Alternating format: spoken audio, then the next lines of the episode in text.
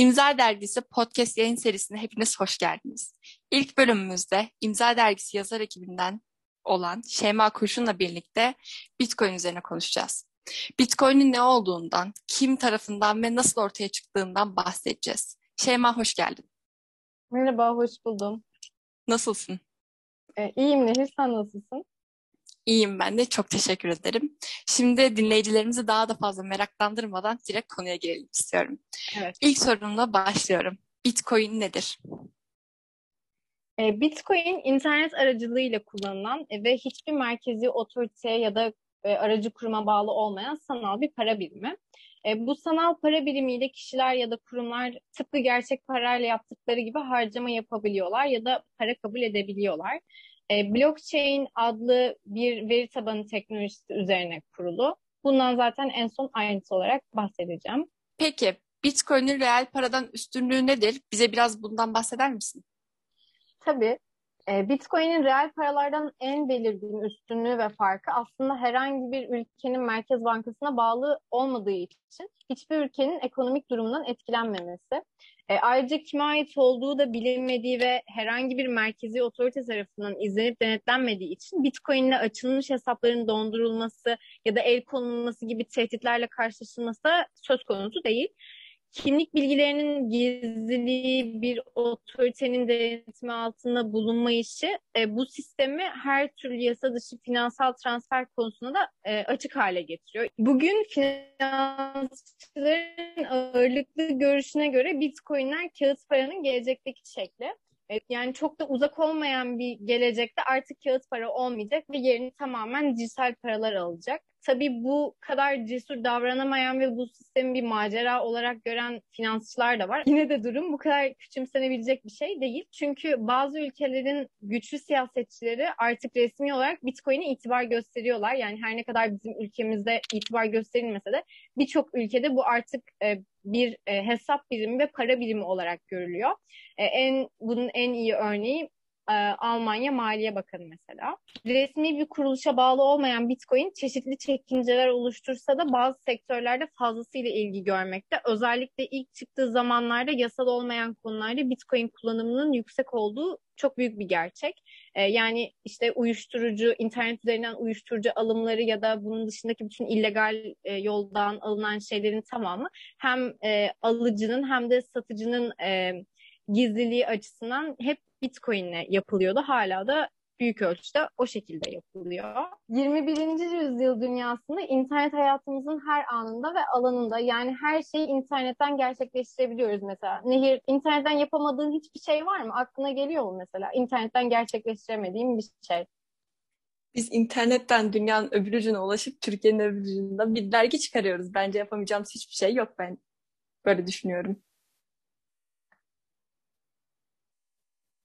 Evet, ben de öyle düşünüyorum. Gerçekten internetten halledemediğimiz hiçbir işimiz yok. Yalnız benim geçen günlerde karşıma bir şey çıktı internetten halledemediğim.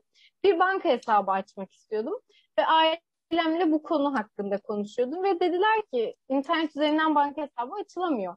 Yani gidip bankadan e, geleneksel yollarla banka hesabı açmamız gerekiyormuş ve bu bana çok saçma geldi. Dedim ki yani her şeyi internet üzerinden halledebiliyor iken neden bunu internet üzerinden halledemiyoruz? Dijital paraya sahip olmak için yani geleneksel hiçbir işlem yapmanıza gerek yok. Her şeyi dijital yoldan halledebiliyorsunuz. Dijital cüzdanlar, e, her şeyi bu şekilde halledebiliyorsunuz blockchain üzerinden. Bitcoin ilk üretimi yapıldığı e, bilinen yıl 2009.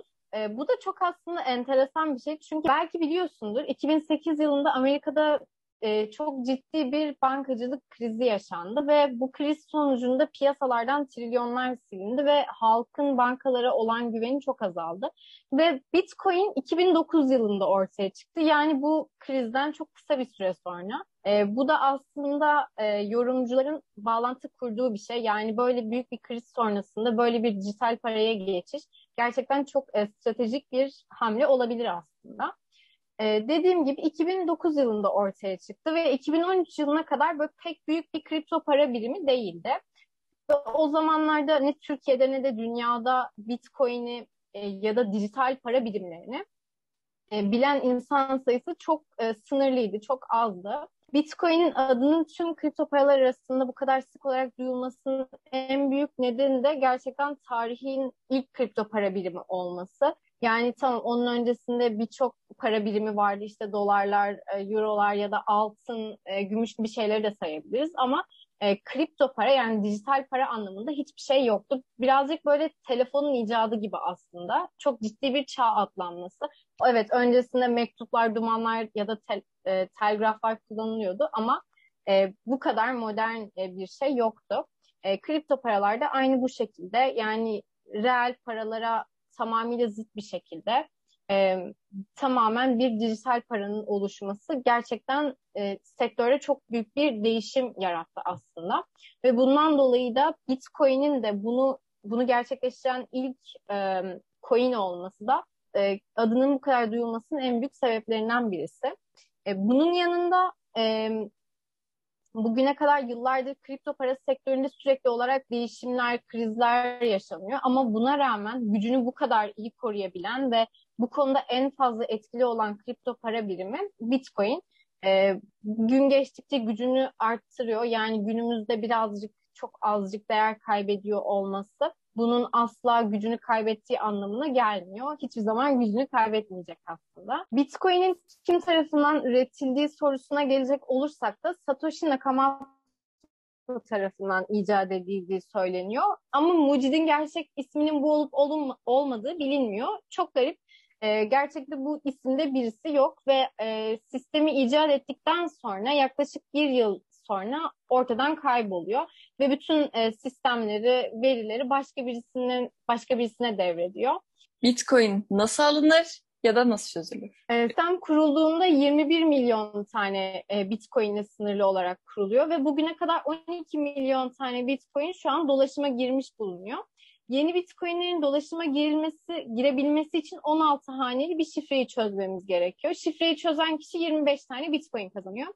21 milyon adetlik sınır e, bir nevi altın karşısında para gibi bir sınırlama getirmeyi amaçlıyor. Mesela şöyle düşünebiliriz bunu. Aynı altına altın şeklinde düşünebiliriz. Mesela altını iki yoldan alabiliriz değil mi? Birisi gidip kuyumcudan direkt altın alabiliriz para karşılığında. Ya da para vermeyiz, gideriz madene ineriz, kendi altınımızı kendimiz ararız. Ama bulabilir miyiz? Bilemiyoruz.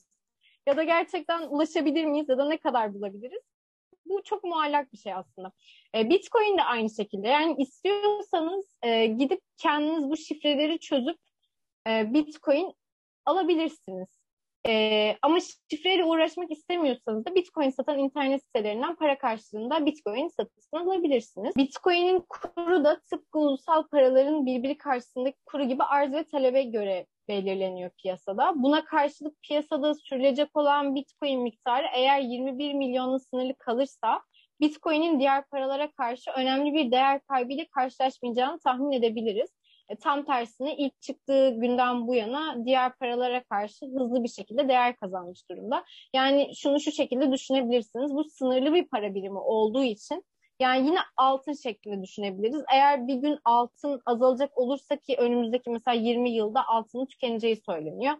E, bu daha da azaldıkça bu daha çok değerlenecek. Çünkü insanlar almak isteyecek, e, daha fazla arz edecekler. Aynı zamanda e, az da kaldığı için e, doğal olarak daha çok e, değer kazanacak. İlk gerçek Bitcoin transferi ne zaman ve nasıl oldu?